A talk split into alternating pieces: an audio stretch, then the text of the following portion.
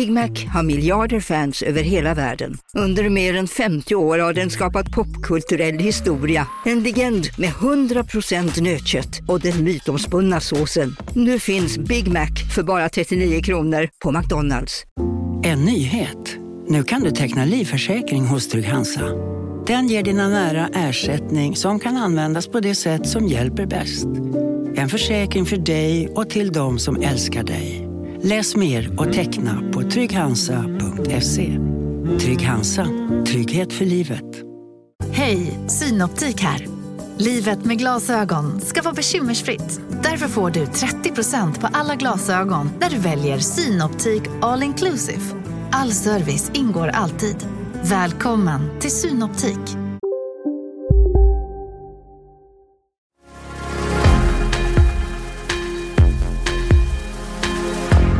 البرلمان السويدي يقرر دخول البلاد إلى حلف الناتو احتجاجات حرق المصحف إلى الواجهة مجددا وبلودان لن يعود Så här lät det i onsdagens nyhetssändning från ett svenskt mediehus som vinner allt fler lyssnare, läsare och tittare. 2012 startade All Kompis med syftet att göra nyheter och samhällsinformation för den stora minoritet i Sverige som har arabiska som modersmål. Så allt innehåll, såväl texter som video och ljudjournalistik, är på arabiska. Och publiken är förhållandevis stor. Sajten har 400 000 unika besökare per månad och Facebook-sidan otroliga 2,5 miljoner följare. Varav många förstås finns utanför Sverige. Ett uttalat syfte med Allkompis är att ge målgruppen korrekt information om Sverige och därmed verka för bättre integration. Och det här är något som i samband med en del nyhetshändelser utsatt Allkompis relation till målgruppen för betydande påfrestningar. Anklagelser som husblattar eller Onkel Tom har ibland riktats mot redaktionen. Men Allkompis har fortsatt med stadig kurs på den väg de slagit in på.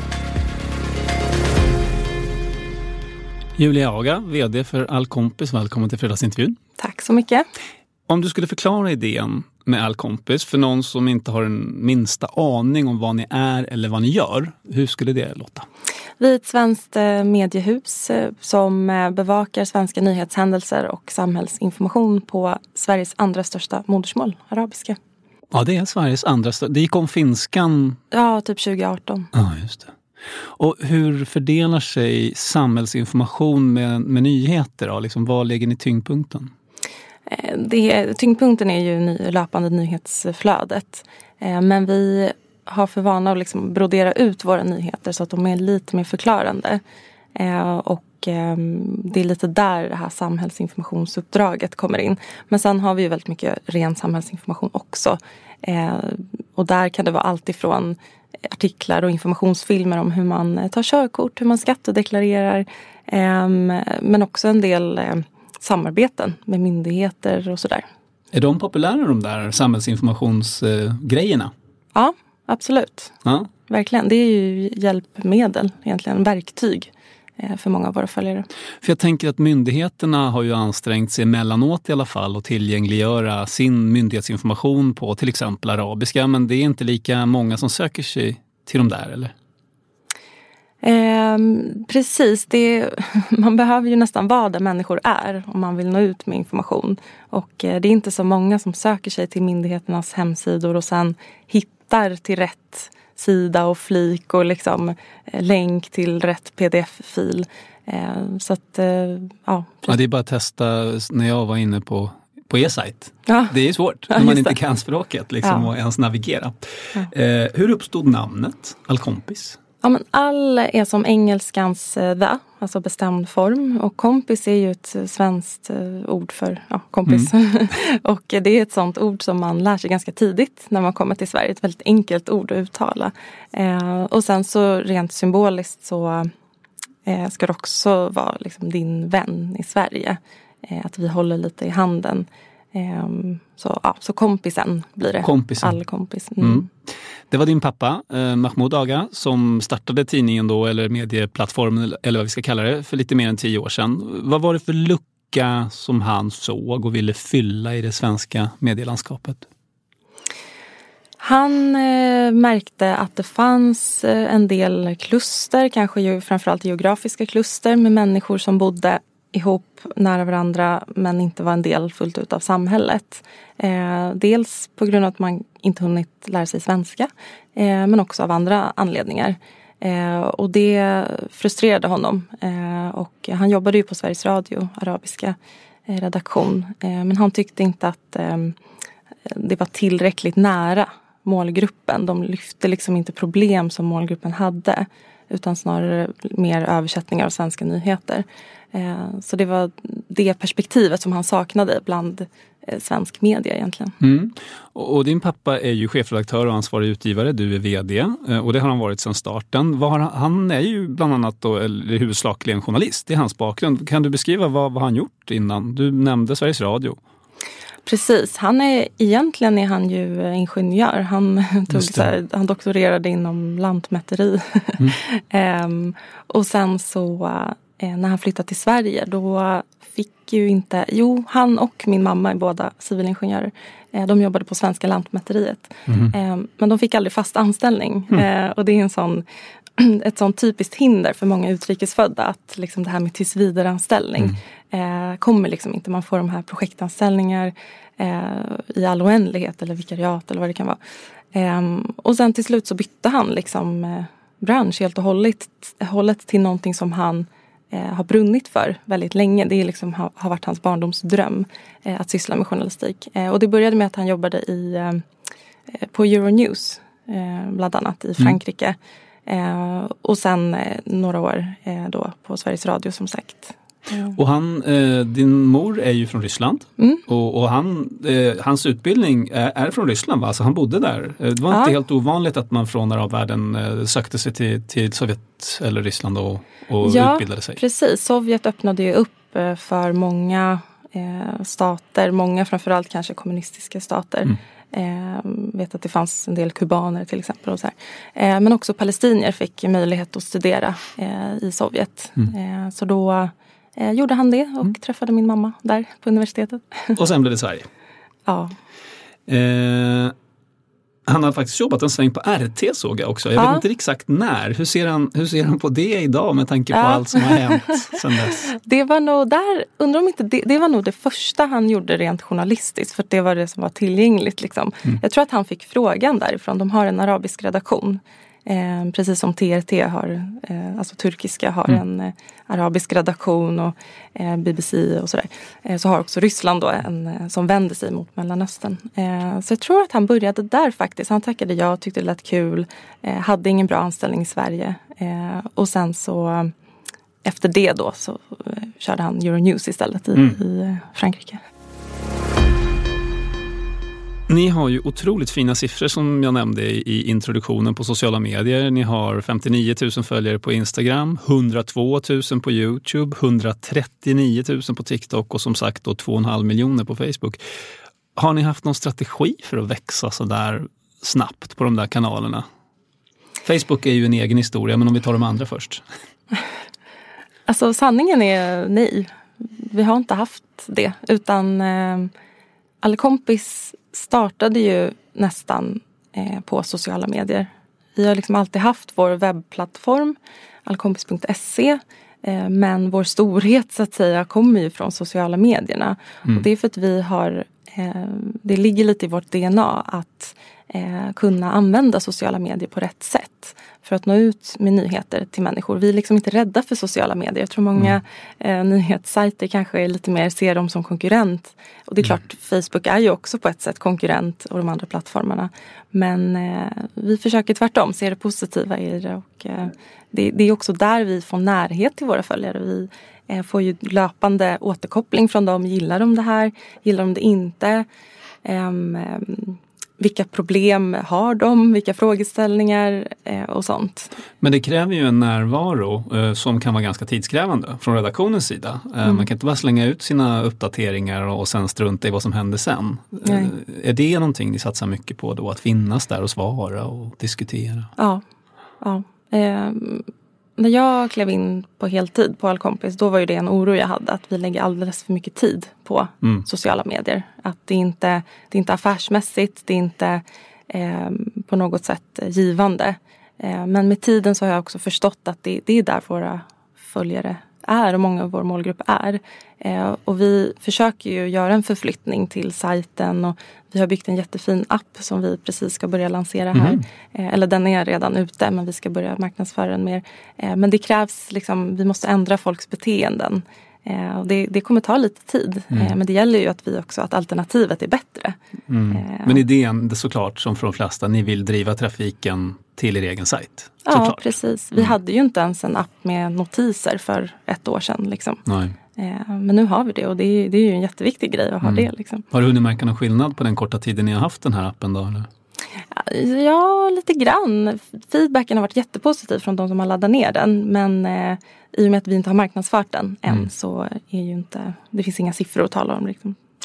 Eh, Facebook-följarna är ju som sagt, eh, det är ju en otrolig siffra då. Alltså skulle det ha varit bara i Sverige så skulle ni då ha ha haft var fjärde svensk som, eh, som följer på Facebook. Men, men då förstår jag att det är många från andra länder. Var är ni starkast eh, utanför Sverige?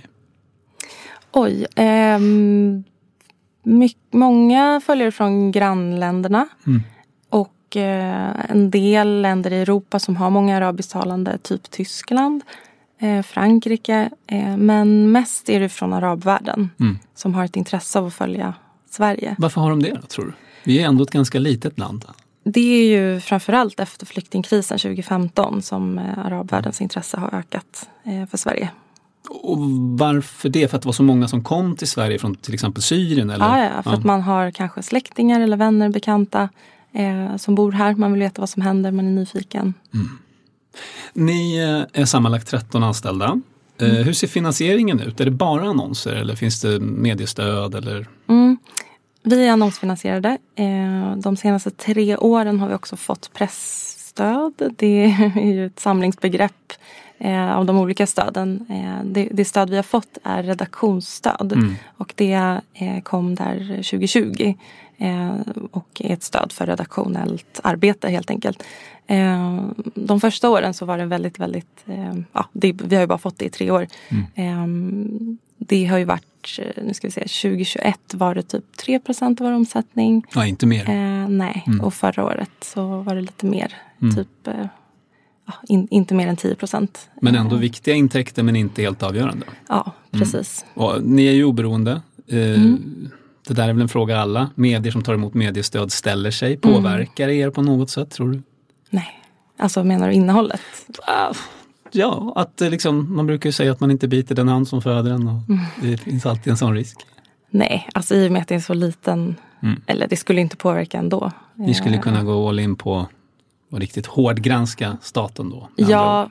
Ja, absolut. Men vi har ju ingen, eh, till skillnad från många andra medier har ju inte vi någon politisk färg.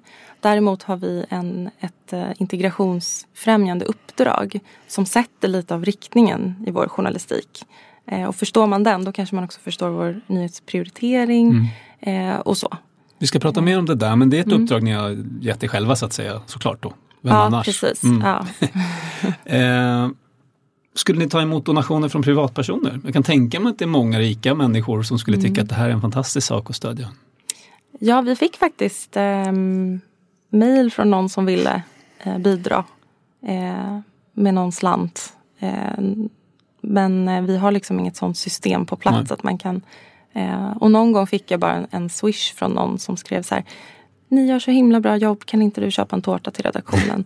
Eh, jättefint. Ja, ja, självklart. Nej, jag Eh. köpte mat till mig själv. ja, men Eh. annars har vi inte fått några sådana, liksom, eh, vi, har, vi har aldrig ställts inför den eh, Nej. riktigt. Men finns det något principiellt motstånd? Skulle ni, låt säga att det är någon miljardär som känner det här verkar vara bra för integrationen och det är en ödesfråga. Jag vill ge dem mycket pengar.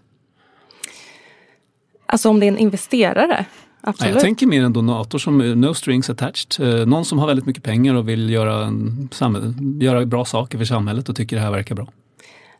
Det beror helt på. Vi behöver inte någon sån donator just nu. Det Mm. går väldigt bra för oss. Eh, vi har ökat vår omsättning tre år i rad. Vi har gått med vinst varje år. Vi tjänar liksom pengar. Eh, och annonsörerna, eh, det, de är liksom eh, där. Så att det känns ju bättre att inte ha någon sån Mm. eh, bakom. Men eh, ja, principiellt, vi har faktiskt inte diskuterat det. Eh, ni skriver ju själva att ert syfte på sajten då är att vara brobyggare mellan det svenska samhället och nya svenskar. Du har varit inne på det lite redan, men hur, hur gör ni för att bli det? Vi tillgängliggör nyheter och eh, information eh, till människor som dels inte kan svenska. Eh, kan man inte svenska då är det ändå viktigt att man vet vad som händer runt omkring i samhället. Eh, det är absolut avgörande för att man ska vara en fungerande person i samhället. Eh, men vi finns också till för personer som kan svenska men inte riktigt förstår alla nyanser i, i samhällsdebatten. Som behöver mer kontext för att våga ta ställning eh, och fullt ut bli en del av samhället. För att våga säga någonting vid kaffet på jobbet. Eh, man, man kanske förstod nyheten men inte riktigt liksom hängde med i efterföljande debatten. Liksom. Eh, så på så sätt hjälper vi och det gör vi genom att ha intervjuer hos oss. Vi har ju vår egen studio. Bjuder in olika experter och tyckare och allt möjligt. Eh, ja, och reportage och liksom, ehm, kommenterande texter och videor och, och, så. Men de ni bjuder in, måste de också behärska och tala arabiska eller tolkar ni mycket och översätter? Och så, eller? Vi, eh, det är jättemånga som inte kan mm. arabiska som vi bjuder in. Mm. Ja, ja. Eh, och då har vi ju undertext mm. så att det blir dubbel, dubbelspråkigt. Ja. Eh, mm. eh, om er värdegrund skriver ni, vårt uppdrag är att främja integrationen genom att fylla informationsgapet i samhället och det var ungefär det du beskrev. Vi är ett svenskt mediehus som utgår från svenska demokratiska värderingar såsom yttrandefrihet, jämställdhet och alla människors lika värde. Just det här med svenska värderingar har ju diskuterats mycket och häcklats en del. Eh, är det självklart för dig vad det är eller vad det är för er så att säga? Ja, det är det. Eh, dels de här som jag nämner i texten. Eh, generella svenska demokratiska värderingar. Men sen är det ju också för vår del de liksom pressetiska eh, reglerna. Det ser vi någonstans som eh, värderingar också. Är ni, ni anslutna till det medieetiska systemet? Ja, har ni blivit anmälda eller fällda någon gång? Ja, det har vi. Det har ni? Ja. Vad gällde det? Äh, inte fällda. Nej, men anmälda? Anmälda av um, Det var Qatars uh, ambassad faktiskt. Mm ambassadör som uh, några medarbetare där um, berättade att de hade blivit dåligt behandlade. De hade hemliginspelade um, samtal och även anmälningar till polisen. Så då skrev vi en artikel om den här om det här och då tyckte ju ambassadören att det var eh, onyanserat för att vi inte lyfte dem eh, eller deras perspektiv. Men vi ringde dem väldigt många gånger mm. och mm. hörde av oss och försökte. Men vi fick inget och sen till slut tänkte vi att eh, vi kör ut det ändå. Liksom, för att, ja, ehm, och, men vi, vi vann, eller vad ska ja, man säga? Ni förlorade inte, ni blev inte fällda. Nej, nej, precis.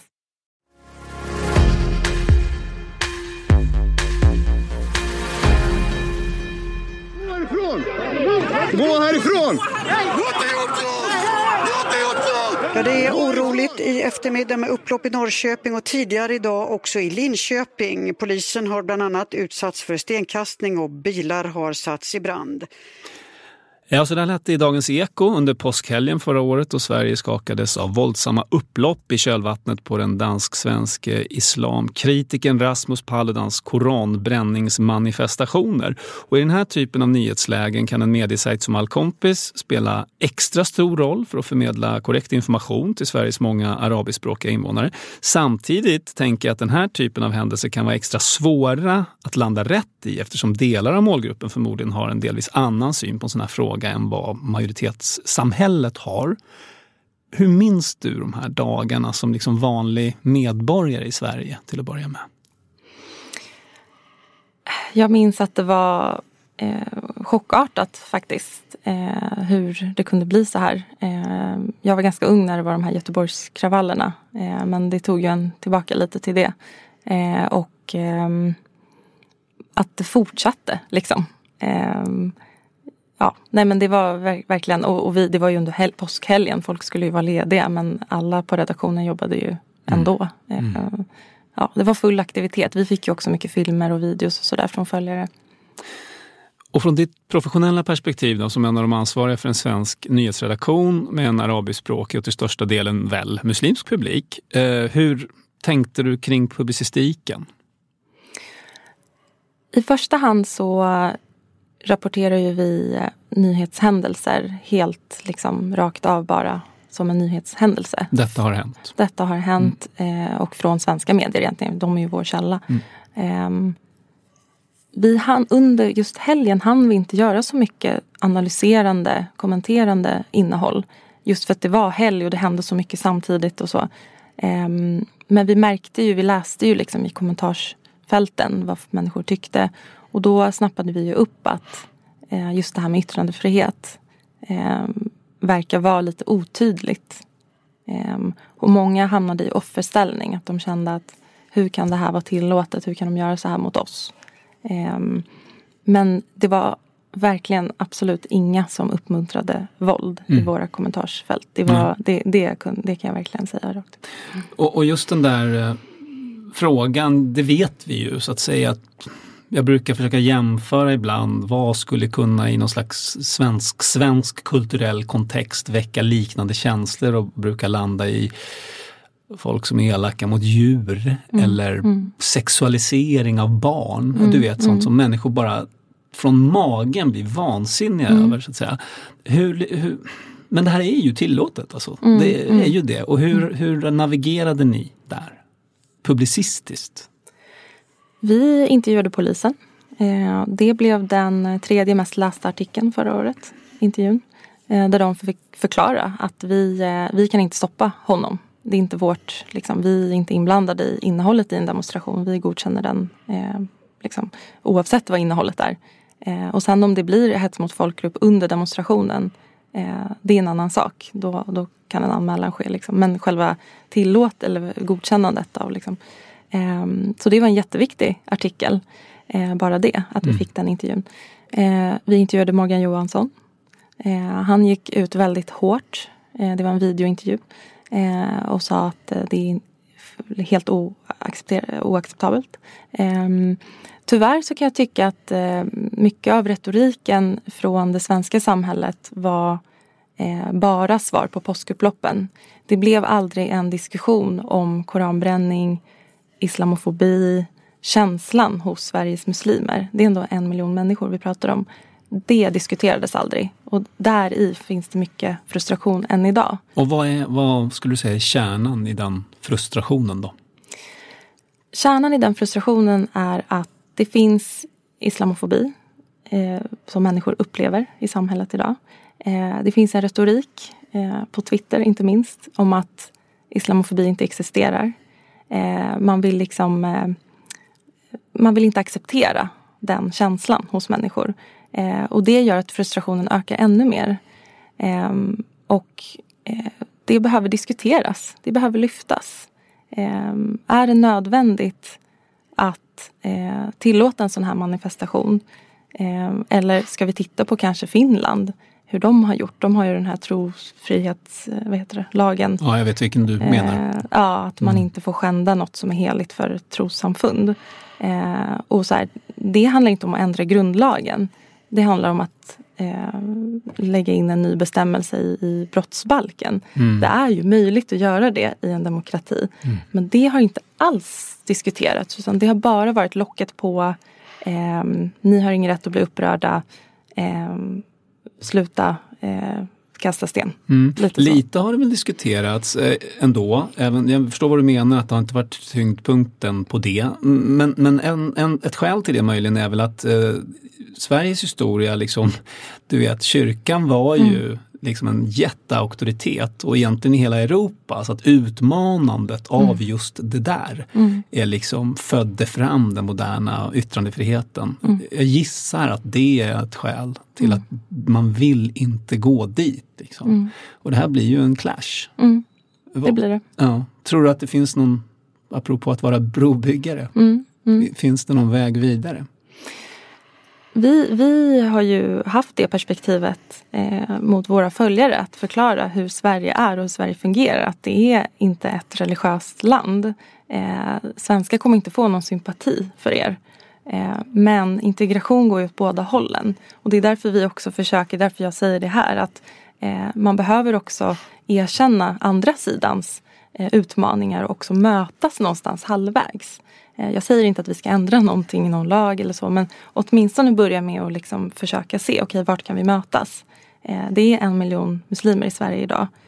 Den senaste folkräkningen vi hade 1930 var det två muslimer. Mm.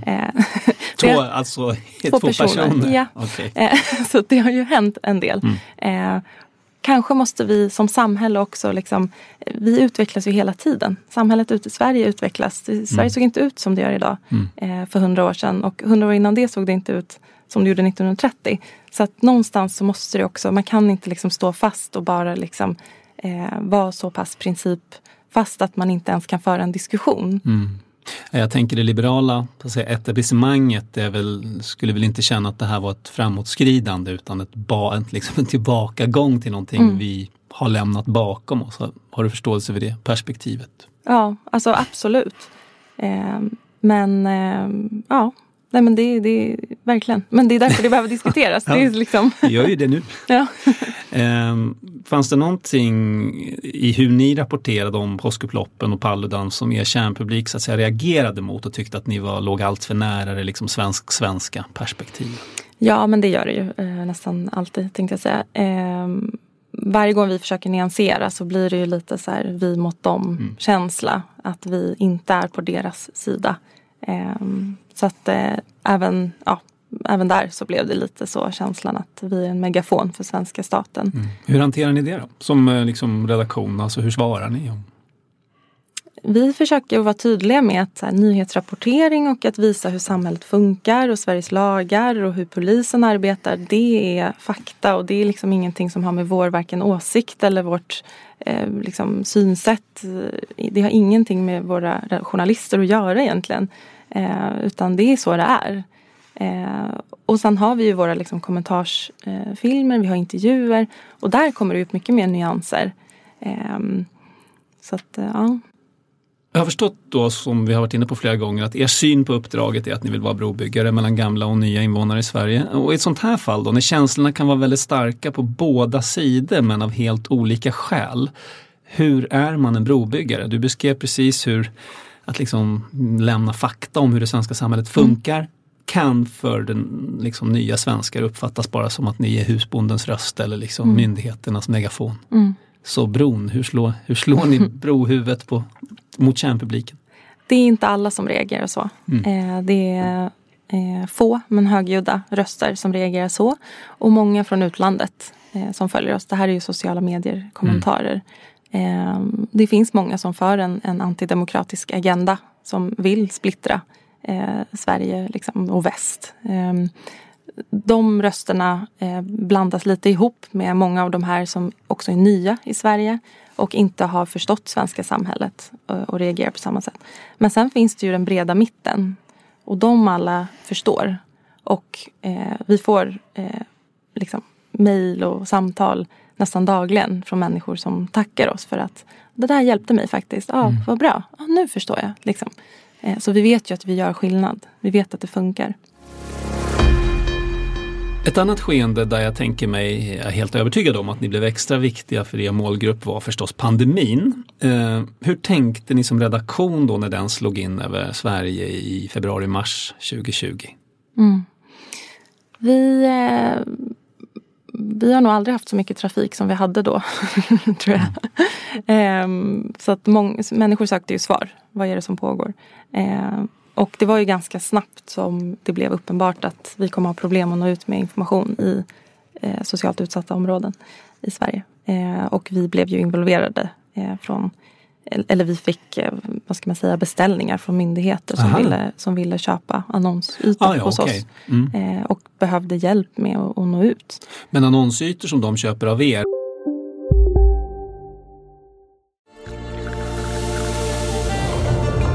Välkommen till Maccafé på utvalda McDonalds restauranger med Baristakaffe till rimligt pris.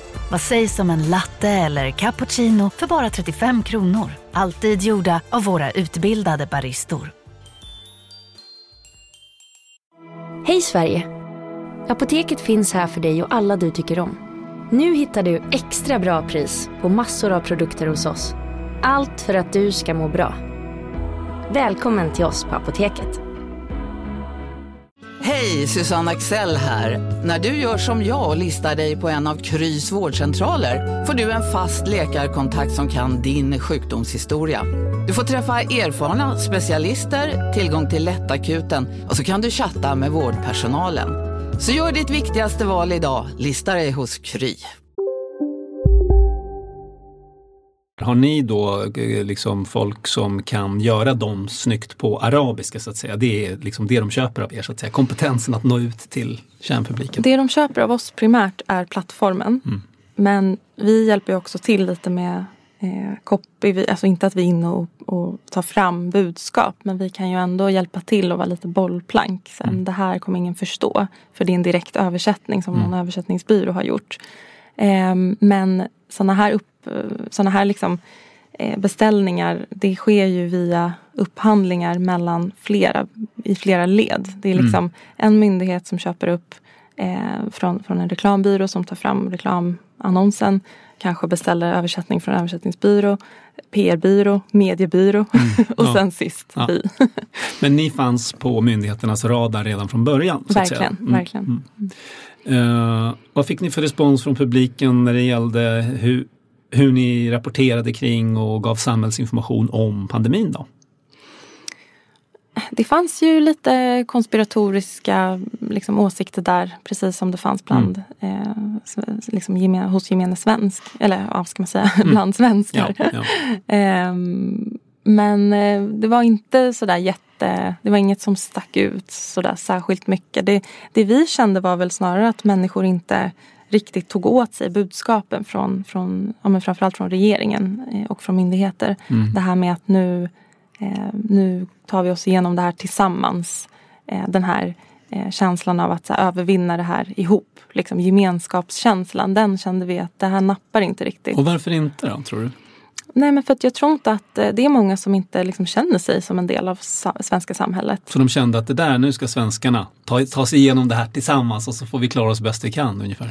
Ja, eller att de inte ens hörde budskapen. De lyssnade mm. inte. Eh, de kanske inte tittade på vanliga traditionella eh, nyhetssändningar.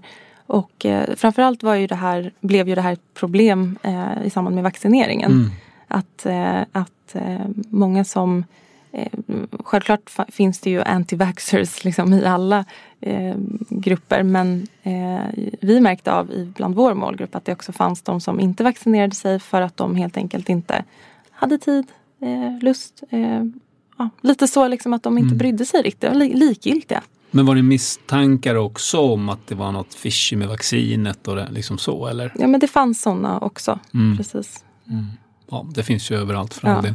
Vad gjorde ni för särskilda satsningar under den här perioden då som hade med pandemin att göra? Så förändrade ni mycket av er vanliga journalistiska eh, liksom vardag?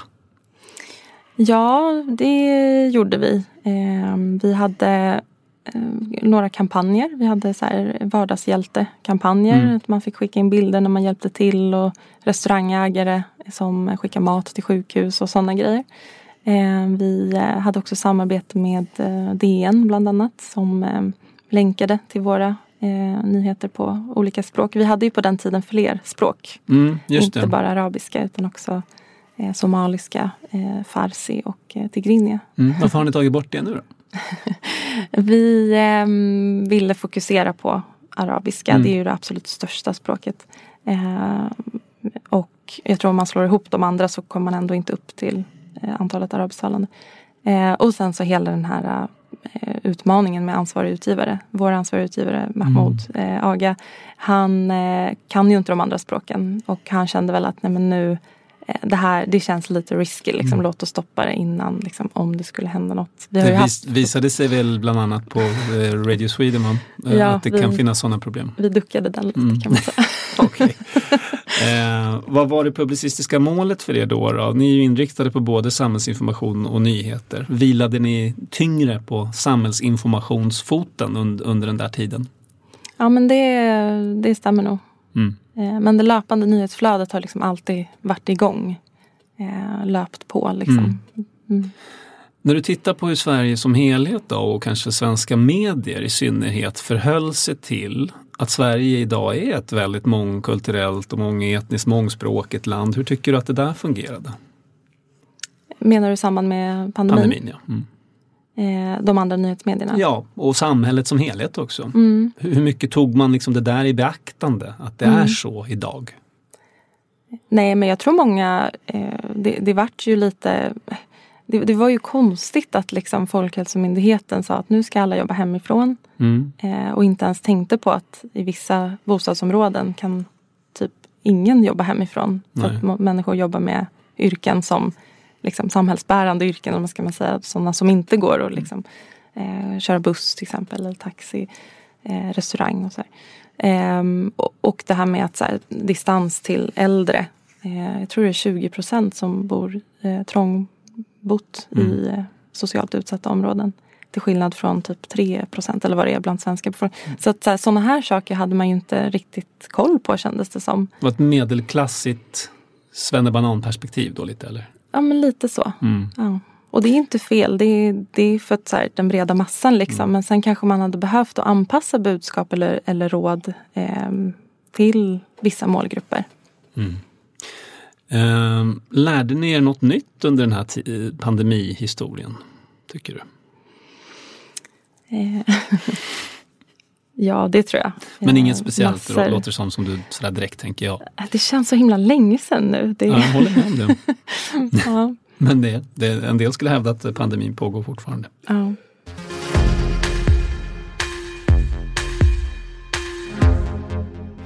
Jag tänkte vi skulle borra lite extra i ett skeende eller en nyhetshändelse där er publicistiska idé verkligen sattes på prov och det handlar om den så kallade LVU-kampanjen.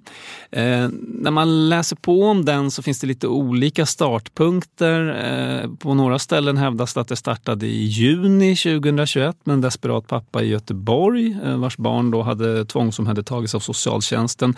Men det finns andra lite senare noteringar också. Hur började det för er? För oss började det i januari 2022. Med en, en eh, video eh, som, fick, som blev viral. Mm. Är det den där med, som hade väldigt många barn? Ja, Mm, precis. Fem och, barn mm, som Och fick alla liksom omhändertagna? Ja, och den senaste blev omhändertaget på BB. Mm. Och hur, um, hur märkte du och ni att det här var någonting alldeles extra så att säga?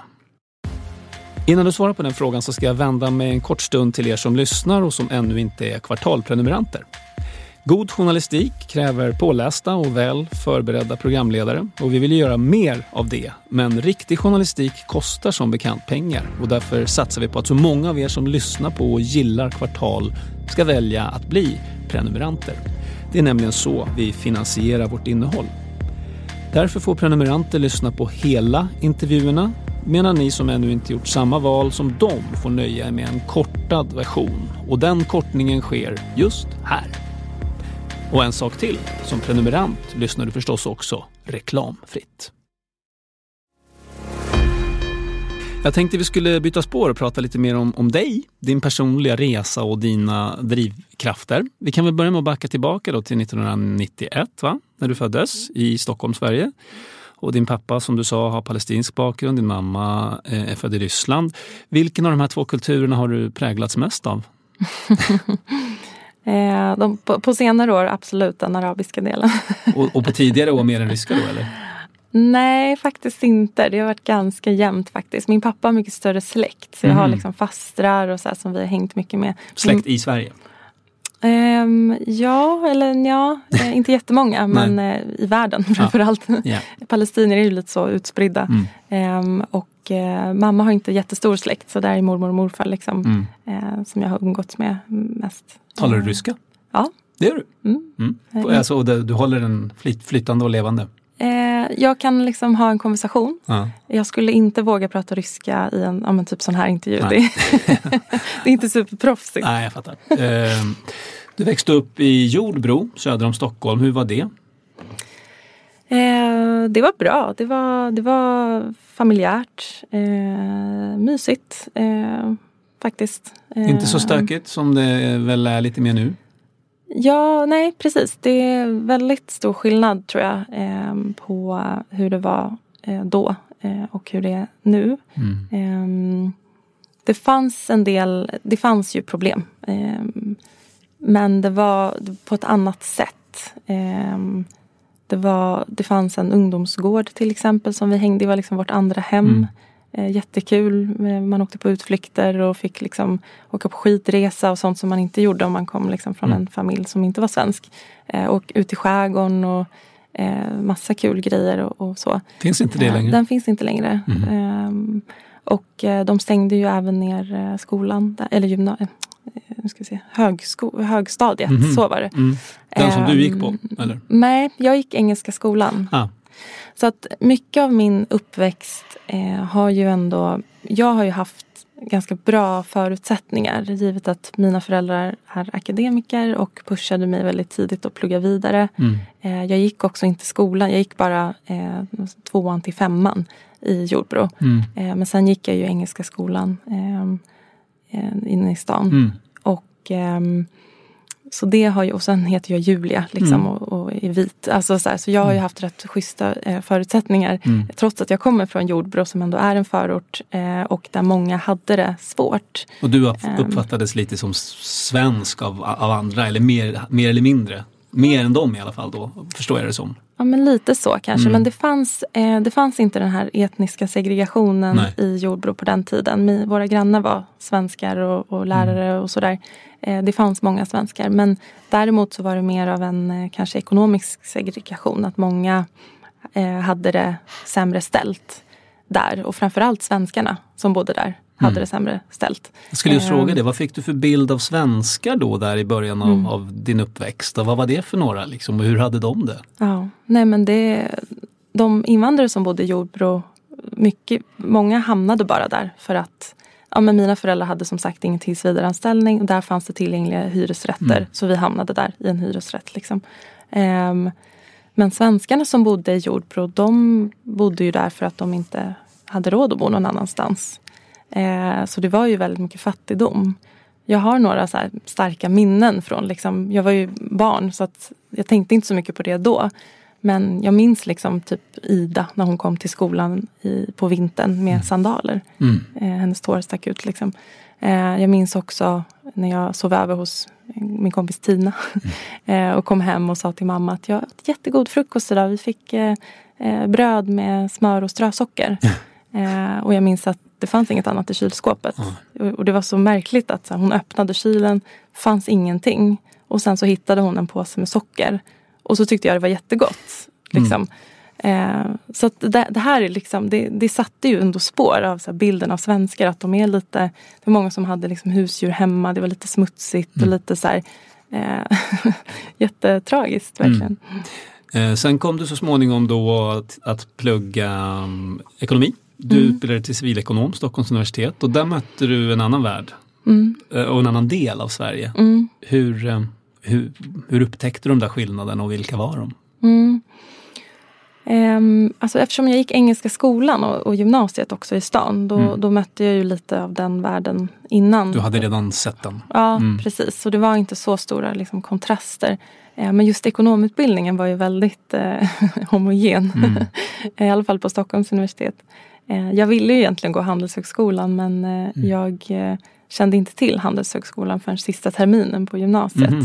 Och då var det ju för sent att strategiskt välja liksom, kurser och sånt så att man Mm. får toppbetyg. Det var inte prioritet att få MVG i allt. Liksom. Men hade jag vetat det så ja. Ehm, men Stockholms universitet var, det var, ja, det var, det var fascinerande faktiskt. Mm. Och vad var dem, mest eh, fascinerande? Du hamnade med människor som eh, fick aktier av föräldrarna och Ja, kanske en bostadsrätt eh, som föräldrarna gick i borgen för och så vidare. Precis, Mm. precis. Och att det var någon som uttryckte att eh, jag vågar inte åka blåa linjen. Eh, och mycket fördomar liksom Mm. mot, eh, ehm, mot ja, invandrare generellt och liksom mot Jordbro och så här. Men såg de dig som en av dem eller kände du att du blev liksom eh, objekt för de där fördomarna eller utsatt för dem? Nej, alltså jag har ju alltid haft lyxen att eh, vara lite så här ehm, eh, vad ska man säga? Kameleont, Ja, lite så faktiskt. Ehm, så att jag snappar ju upp mycket sådana fördomar utan att, för att människor är väldigt bekväma i min närhet. Mm. Ehm, så att eh, ja, jag smälter in rätt bra. Och du tar inte strid då heller? Du är smidig då eller? Du liksom ställer inte på bordet och börjar skrika? Nej, det var, det var nog det som var det kanske svåraste. Att komma dit och få höra alla de här fördomarna men inte våga säga så mycket och liksom mm. känna att så här, jag kände ju mig utanför. Eh, och att eh, jag hade inte riktigt bildat mig någon uppfattning eller åsikt. Jag visste inte riktigt vad det var men det kändes inte alltid rätt liksom. Mm. Eh, och lite orättvist också. Att så här, wow, vilka förutsättningar ni har haft. Mm. Då. Mm, mm. eh, själv har jag ingen ekonom i min släkt. Jag har ingen jag kan fråga om. Liksom. Eh, ja, mycket sånt. Mm. Och extra jobb och liksom, jag fick ju kämpa med att hitta mitt första jobb. Och liksom, mm. eh, Sen blev det finansbranschen. Eh, vad var det som lockade med den? Ja, Eh, jag sökte massa extrajobb som jag inte fick och sen så fick jag ett extrajobb på ett bolag som sysslar med att sätta ihop marknadsförväntningar av börsnoterade bolag. Eh, ett databolag kan man säga inom finansbranschen. Eh, så det var mitt första jobb eh, och sen så var jag ju då per automatik i finansbranschen på ett mm. sätt. Eh, trivdes bra där, jobbade extra massa år och sen fick jag heltidsjobb där efter examen. Um, och sen efter det så fortsatte jag bara i den branschen. Mm. Uh, så det var ju lite slumpmässigt faktiskt. Um, men jag, jag stannade ju där för att jag mm. trivdes bra. Mm. Uh, jag tycker det är lite kul med det här corporate. Mm. det kanske man inte kan tro. Ja. Men uh, jag gillar struktur och jag mm. gillar liksom jag gillar liksom den här tydligheten som finns. Eh, att man vet vad man ska göra, man vet vilket ansvar man har, mm. vilket mål som finns. Det är väldigt så. Och alla eh, inom finansbranschen jobbar hårt. Mm. Och det tycker jag också om. Att mm. folk är väldigt drivna, eh, tar sina jobb på allvar. Ja, och sen är det ju så här, det är, det är schysst att det är höga löner, det är ja. liksom gott kaffe, det är mm. bra fika när man ja. går på möten. ja men det ska man inte underskatta. Men, men eh, där var det väl ännu så att säga vitare och ännu mer liksom annorlunda mm. jämfört med till exempel Jordbro. Hur, tack, hur tacklade du det? Ja men där, jag tror att jag också såg att men jag är lite unik här. Eh, jag, jag kan eh, få en, en eh, ge någonting som inte finns. Eh, och det, det såg jag som en styrka. Mm. Eh, faktiskt. Gjorde de det också? Ja men jag tror det. Jag tror det faktiskt. I och med att jag också ändå eh, alla de liksom vad ska man säga de, de eh, sämre sakerna eller alla de saker som kan vara negativa om man inte är svensk. Typ att man kanske har lite sämre svenska, inte skriver lika bra eller pratar liksom. Eh, det hade inte jag. Nej. För att jag är ju svensk. Alltså jag, jag har ju liksom, mm. eh, så att så det har aldrig varit, eh, jag har aldrig haft något hinder heller. Eh, men jag har ju ändå perspektiv som en invandrare har liksom, mm. eller kommer från ett annat håll som du själv säger, du är född i Sverige mm. i alla avseenden ändå, liksom, så svensk man kan vara i Sverige idag mm. på något sätt. Mm. Ändå har jag fått uppfattningen att du ibland kunde känna dig utanför eller annorlunda. Så där. Det, det säger inte det någonting om hur lång och svår den där resan ändå kan vara? För någon som till och med då bara har utländska föräldrar som inte ens själv, som, som själv är född i Sverige. Mm. Ja, absolut. Eh, det är utmanande att, att eh, vistas i en helt svensk miljö och sen åka hem och ha liksom föräldrar som inte är svenskar eh, och som ser saker kanske på lite annorlunda sätt eller vi pratar andra språk hemma. Ehm, men många gånger är det också berikande faktiskt. Och jag har ju massa vänner som både svenskar men också från andra länder. Alltså mm. verkligen från hela mm. världen. Eh, och det har verkligen berikat mig. Eh, och många gånger så är det snarare att jag blivit besviken när jag har varit i de här miljöerna som är liksom i finansbranschen. Att jag tycker det är så himla märkligt och synd. De går miste om någonting när de inte liksom vågar bekanta sig med nya kulturer. Det är helt fantastiskt vilken mångfald det finns. Mm. Eh, jag älskar mat till exempel. Mm. Alltså, det finns så mycket goda grejer som man kan smaka. liksom. Ja. Eh, och eh, liksom, det finns så mycket fina eh, värderingar och sånt också i olika kulturer som man verkligen man går miste om väldigt mycket när man, när man inte öppnar upp sig. Mm. Vad skulle vara, förutom det då, vad skulle vara ditt råd till, jag menar det här kommer ju många, många arbetsplatser och en allt, allt fler arbetsplatser att liksom möta, att de kommer ta mm. emot mm. ambitiösa, mm. eh, duktiga medarbetare men som har den här andra bakgrunden mm. som de kanske lite också undertrycker och håller tillbaka. Vad skulle vara ditt råd till, till de andra? så att säga? Mm. Nej men eh, att se det positiva eh, i mångfalden och, eh, och eh, se styrkan i, i de här nya perspektiven. Eh, det, det, det, det, är också bättre när ett företag eller myndighet eller vilken arbetsplats det är att den speglar samhället. Eh, då kommer man ju bättre också kunna få kunder eller, eller vad det handlar om. Mm. Så det, jag ser ganska få negativa saker med det. Eh, och bara släppa lite på de här informella reglerna som man har mm. eh, bestämt sig för. Jag har två barn som båda har jobbat med sälj mm. och där finns det ganska många mm. eh, personer som eh, har föräldrar som kommer utomlands ifrån och kanske har namn som inte låter svenska. Och de berättade, mina grabbar då, vilket jag tycker är väldigt deppigt, att ofelbart mm. så bytte man då namn när mm. man är telefonförsäljare. Mm, just det. Jag kallade sig någonting mm. svennigt då så att säga. Vad gör, vad gör det så att säga med de här eh, tjejerna och killarna tror du? Nej men det, det blir ju såklart en, eh, det, det är jättekonstigt liksom. Eh, man måste ju få en helt skev bild av verkligheten. Att jag passar inte in här eller jag kommer inte bli accepterad. Jag kan inte sälja med mitt riktiga namn. Mm.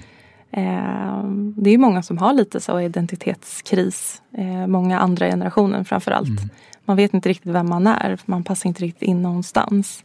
Eh, men det handlar mycket om att inkludering är liksom också att i de här möten mellan människor med vänner. jag fick inte inbjudan till ett midsommarfirande förrän jag gick på, ja det var ju efter universitetet. Mm. för att svenskar är väldigt liksom eh, exkluderande när det kommer till saker som midsommar eller sina landställen. Jag hade ju liksom inte varit på någons landställe. Eh, även fast jag haft svenska vänner men inte bland de närmsta. Mm. Eh, varför bjuder man inte med sig eh, folk? Och jag menar inte att man ska se det som välgörenhet och bjuda med någon som man inte ens känner. Men på arbetsplatsen till exempel. Eh, det blir bara roligt och de kommer ha med sig så mycket grejer om man mm. bjuder med sig dem. Ja, så det är ett väldigt konkret råd. Var inte så rädd. Eh, liksom bjud in någon till sommarstället eller till midsommar. Ja, det kommer betyda jättemycket för den personen och mm. det blir bara roligare. Eh, avslutningsvis då, bara som helikopterperspektiv. Det här är då en diskussion vi pratar väldigt mycket om nu i Sverige och kommer prata ännu mer om hur vi på något sätt ska eh, få den här ganska brokiga befolkningen att smälta samman till någonting helt eller någonting där det finns en sammanhållning och ett vi. Vart är vi på väg där, tycker du? liksom just nu?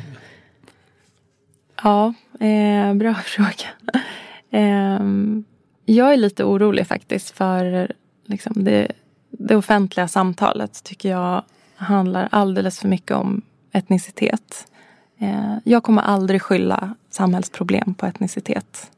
Eh, det här likhetstecknet mellan kriminalitet och invandring till exempel. Det tycker jag är skadligt. Eh, det finns kopplingar men det är inte direkta samband utan det finns så många fler faktorer. Eh, så det, det tycker jag att vi behöver komma ifrån. Liksom. Och istället och det är många som också undviker, som är lite smarta och säger inte etnicitet kanske. Men istället så skyller man på kultur. Man säger att de här människornas kultur är fel. Eh, det är en förflyttning som har skett hos extremhögern till exempel. Eh, för att man har insett att det är rasistiskt att säga att någons etnicitet är fel. Eh, men kultur kan inte heller vara fel. Man kan inte säga att någons kultur är fel. Det är jätteskevt. Däremot kan vi prata om värderingar. Det kan vi prata om. Det kan finnas jätteolika värderingar inom samma kultur. Mm. Eh, och svenska värderingar och så här. Där behöver det ske diskussioner, absolut.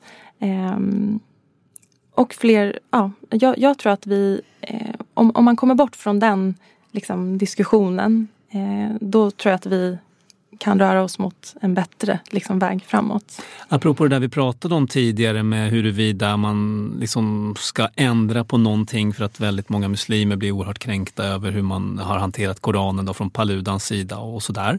Eh, det där är, apropå värderingar, alltså Finns det några där det svenska majoritetssamhället absolut inte får börja kompromissa? För det där är ju också en sån där hur långt ska man gå? Hur långt ska man sträcka ut handen så att säga till det annorlunda eller det som är nytt i det här fallet? Jag tycker inte vi ska kompromissa de grundläggande svenska demokratiska värderingarna. Absolut inte. Så jämställdhet till exempel? Jämställdhet, jämlikhet, eh, alla människors lika värde. Eh, det jag menar är snarare att de nya människor som kanske har lite andra värderingar eh, är det, är det liksom dåliga värderingar då behöver man ju liksom kanske in, in, eh, utbildningsinsatser och liksom prata om det. Ehm, men vissa värderingar är inte heller liksom direkt fel. Det är bara att det går lite stick i stäv kanske. Eh, det kommer förändras efter, jag tror bara en generation.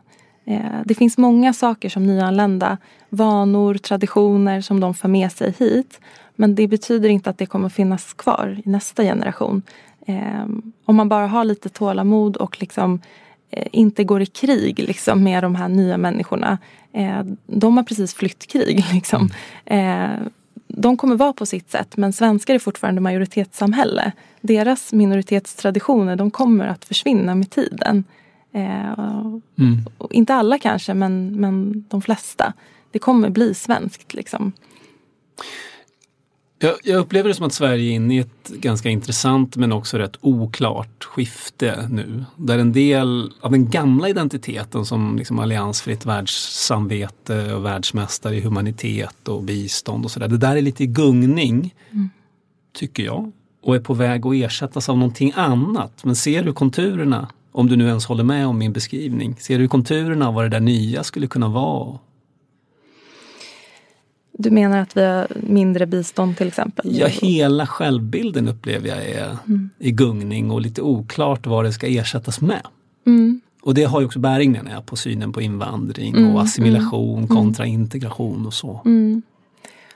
Nej men det, det, ska bli jätteintressant att se vad som händer med den nya regeringen. Det är de som sätter den här politiken mm. eh, fyra år eh, från idag. Jag tycker det ska bli jättespännande att se om de liksom lyckas med att de saker som de har lovat, liksom minska kriminalitet och eh, de har ju satt in ganska hårda eh, regler nu också vad gäller eh, ja, språkinlärning och sådana saker. Eh, det finns inte så mycket man kan göra än att liksom bara eh, observera och hoppas att det, det, det kan bli bra. Liksom. Mm. Så jag ser absolut ett, ett skifte.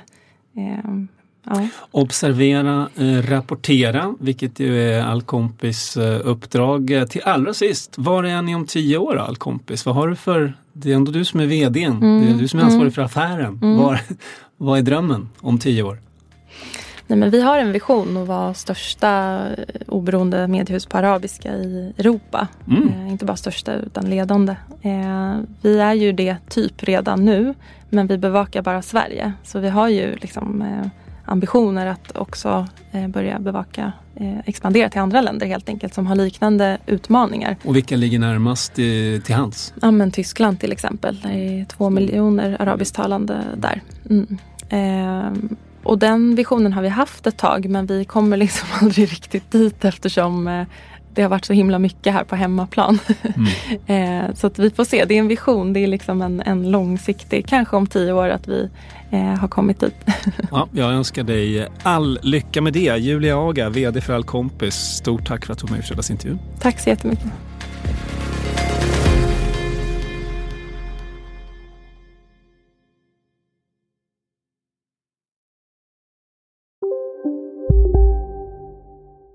Redo för sportlovets bästa deal? Ta med familjen och njut av en Big Mac, McFeast eller Cooper Cheese och Company plus en valfri Happy Meal för bara 100 kronor. Happy Sportlovs deal, bara på McDonalds. Okej hörni, gänget! Vad är vårt motto? Allt är inte som du tror! Nej, allt är inte alltid som du tror. Nu täcker vårt nät 99,3 procent av Sveriges befolkning baserat på röstteckning och folkbokföringsadress. Ta reda på mer på 3.se eller i din 3-butik.